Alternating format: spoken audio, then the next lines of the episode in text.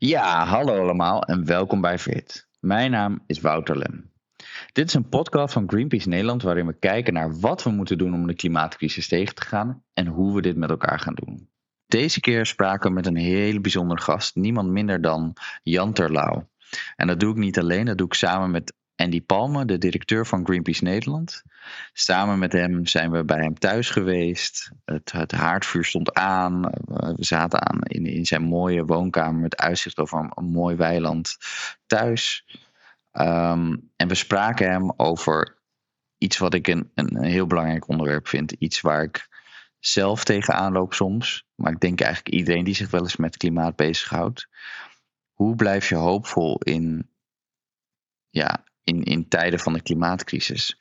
Waarin sommige uh, wetenschappelijke resultaten tegenvallen. Waarin je extreem weer ziet. Uh, waarin je te weinig ziet gebeuren. En hoe blijf je dan uh, hoopvol? En, voorkom je eigenlijk dat je wanhopig wordt en, en, en misschien zelfs een beetje cynisch? Het is wat mij betreft een heel mooi gesprek geworden daarover. Jan Terlouw heeft ontzettend veel ervaring, wijsheid die hij uh, daarin deelt. Uh, zijn tips hoe je, hoe je hoopvol blijft. En het is een gesprek dat ik zeker af en toe nog zal terugluisteren als ik me even wanhopig voel en even een schop onder mijn kont nodig heb. Um, dus ik hoop dat jullie, dat, ook een, dat jullie dit ook een heel mooi gesprek vinden. En ik wens je heel veel luisterplezier.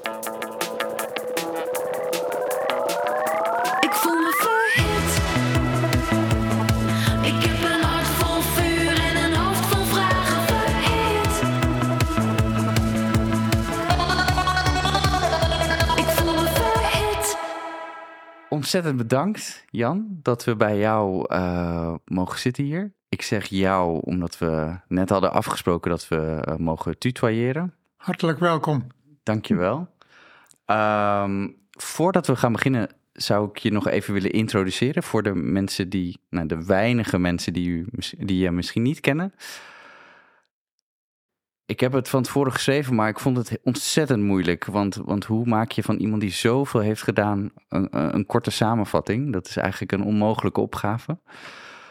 Als schrijver, natuurkundige en oud-politicus uh, verzet je je al jaren, uh, zet, je, zet je je al jaren onvermoeibaar in voor natuurbehoud uh, en een groene aarde.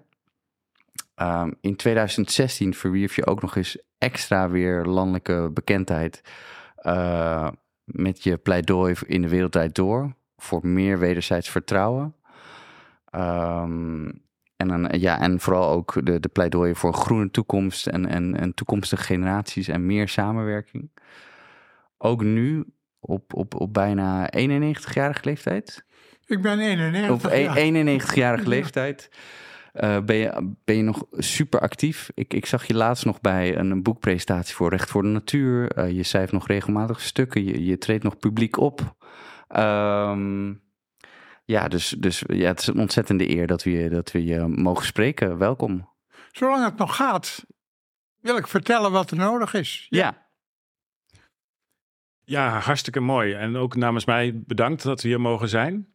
Um, en ik had eigenlijk een aanleiding om hier te zijn, om dit gesprek te voeren. Ik, was, uh, ik werd laatst geïnterviewd door het Jeugdjournaal. En dat ging over een olieboring in Alaska die Biden heeft goedgekeurd. Um, en dat heb ik uitgelegd, wat er aan de hand was. En toen vroeg die redacteur aan mij... Uh, zou je ook nog even positief willen eindigen? Want er zitten natuurlijk kinderen van een jaar of tien... die zitten op de bank te luisteren. En ja, die wil je niet met een rotgevoel naar bed sturen. En ik merkte aan mezelf hoe moeilijk ik het vond... Uh, om positief te zijn. En ik ben best een heel positief mens, vind ik. Uh, maar ik merk het aan mezelf, ik merk het aan de mensen die ik spreek, de Greenpeace-medewerkers, de mensen in de klimaatbeweging. Soms verliezen we de hoop een beetje. En toen dachten Wouter en ik, nou, met wie kan je nou het beste praten over het thema hoop en hoop houden? Uh, dan met, met u. Ik zeg toch u, merk ik. Ja. um, omdat ik u zie als iemand die dat bij uitstek uh, in zich heeft. Om altijd maar door te gaan en altijd het positieve te blijven belichten. Maar ik weet niet of dat zo is. Dus ik ben heel benieuwd naar eigenlijk de eerste vraag van... Bent u hoopvol over uh, klimaatverandering? Dan kunnen we dat stoppen? Bent u hoopvol over wat we zien op het gebied van de natuur? Hoe slecht het ermee voor staat? Nou, bent u hoopvol? Wanhoop leidt tot niets. tot niets doen, tot niet iets ondernemen. Je moet altijd optimistisch blijven en hoop houden.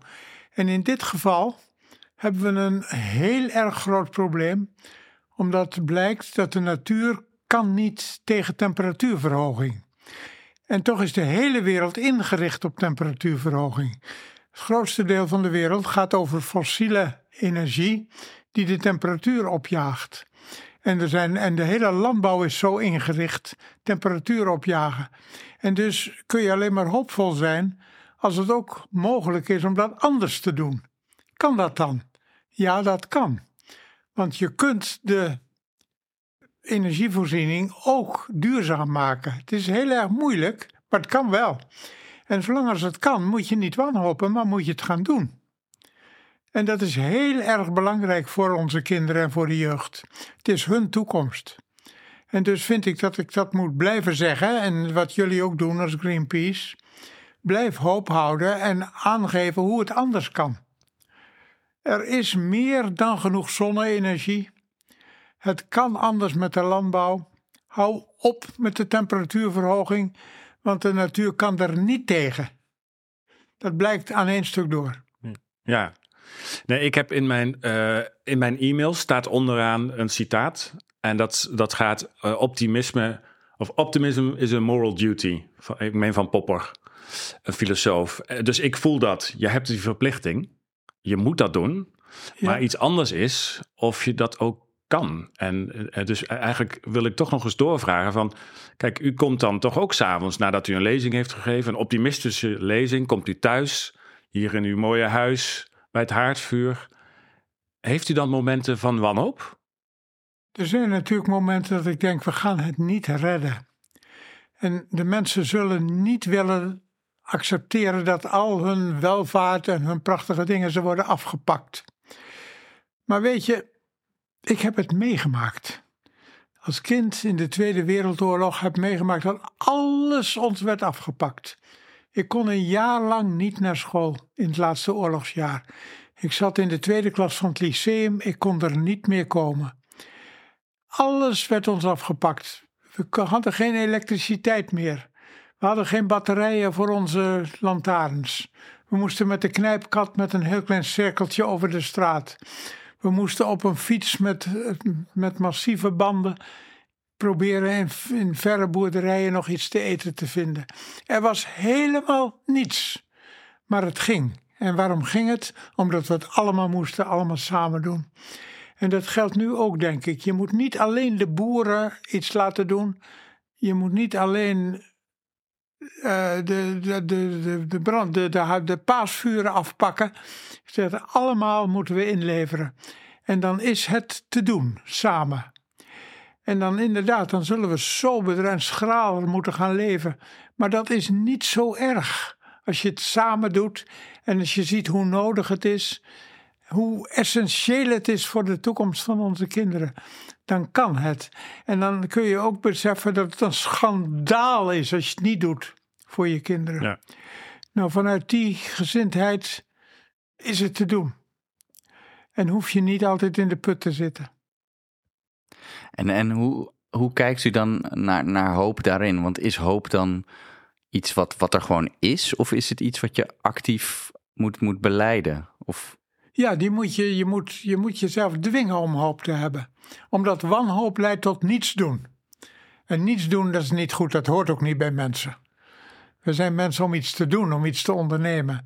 En we hebben zoveel prachtige dingen tot stand weten te brengen.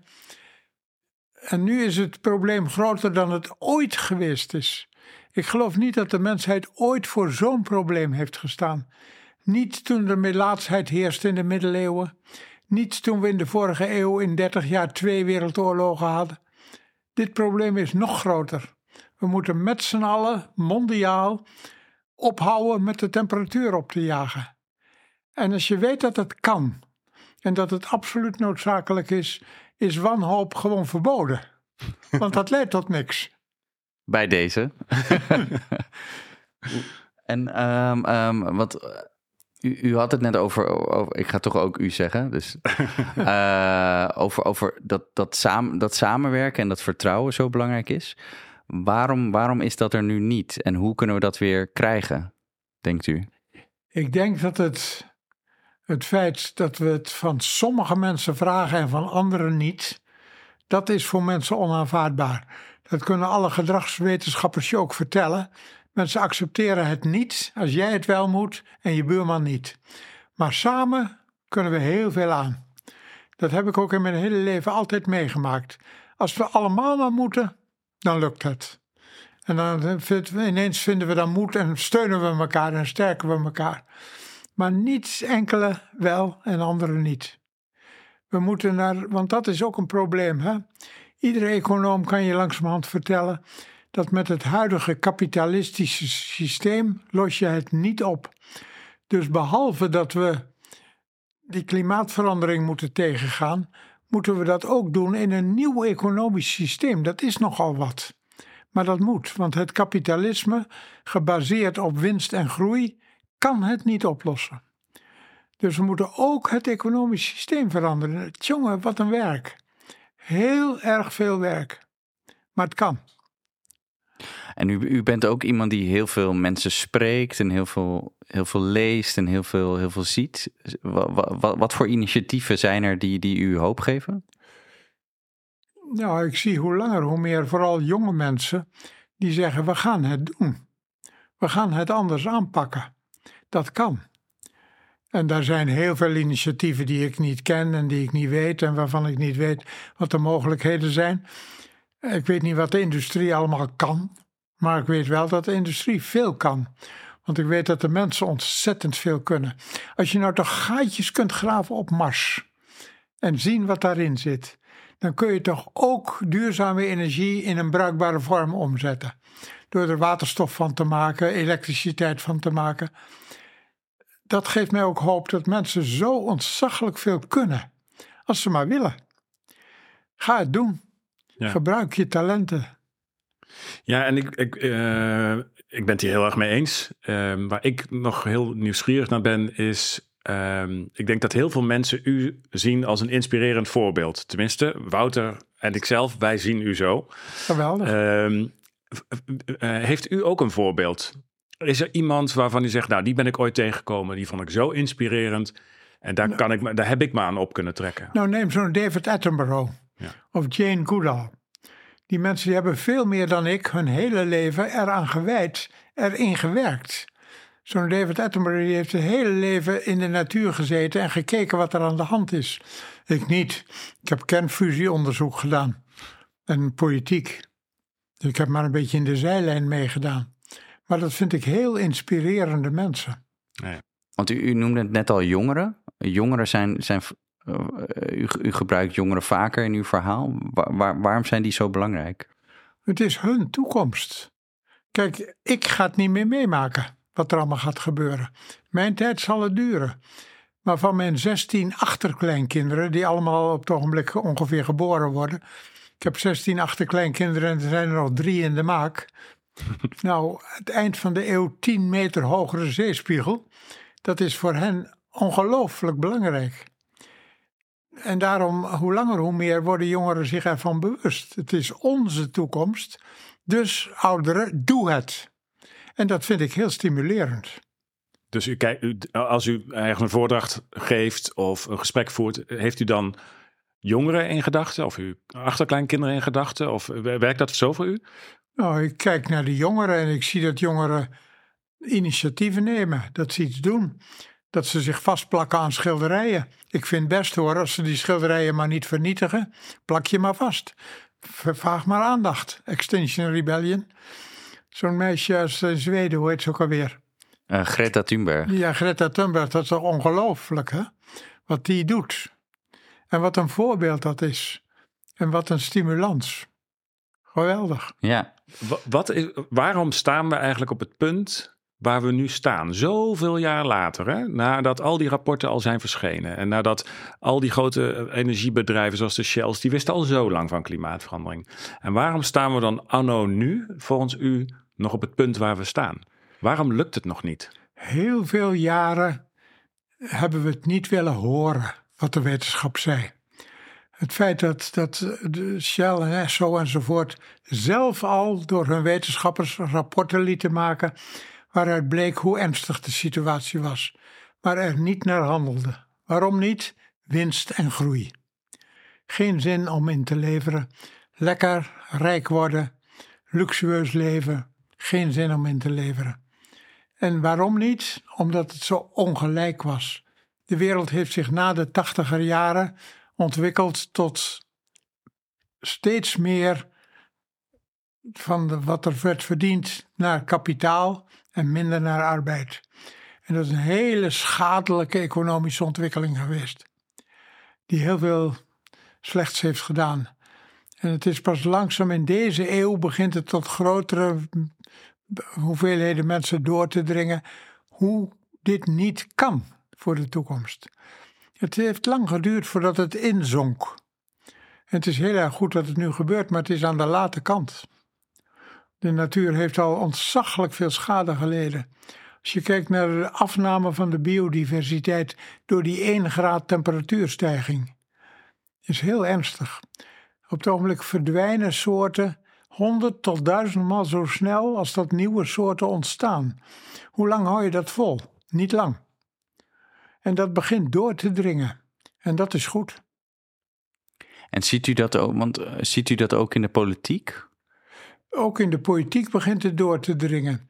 Maar als je nou kijkt naar mijn partij, die wel heel erg voor de klimaatovereenkomsten is. Ja, je zit in een coalitie met vier partijen. Hè? En zo werkt politiek. Het is, het is heel lastig in de politiek. Want als ik, als ik zeg, doe het. En wie moet het doen? De politiek natuurlijk, dat zijn onze leiders. Maar als je in de politiek zit, je krijgt iets niet voor elkaar als mensen het niet willen. En hoe kan het nu dat mensen het niet willen als ze zien wat het betekent voor hun kinderen? Ja, exact. Dan kan dat toch maar één ding betekenen: dat het niet echt diep is doorgedrongen hoe belangrijk het is. En dat betekent dat niet alleen de politiek, maar wij allen een taak hebben. Ook het onderwijs, ook de religies, ook de kunsten, ook Greenpeace. Iedereen heeft een taak om het te laten doordringen. Mensen, het moet en het kan. Ja, heel mooi. Het moet en het kan. Ja. Uh, en uh, pessimisme is verboden.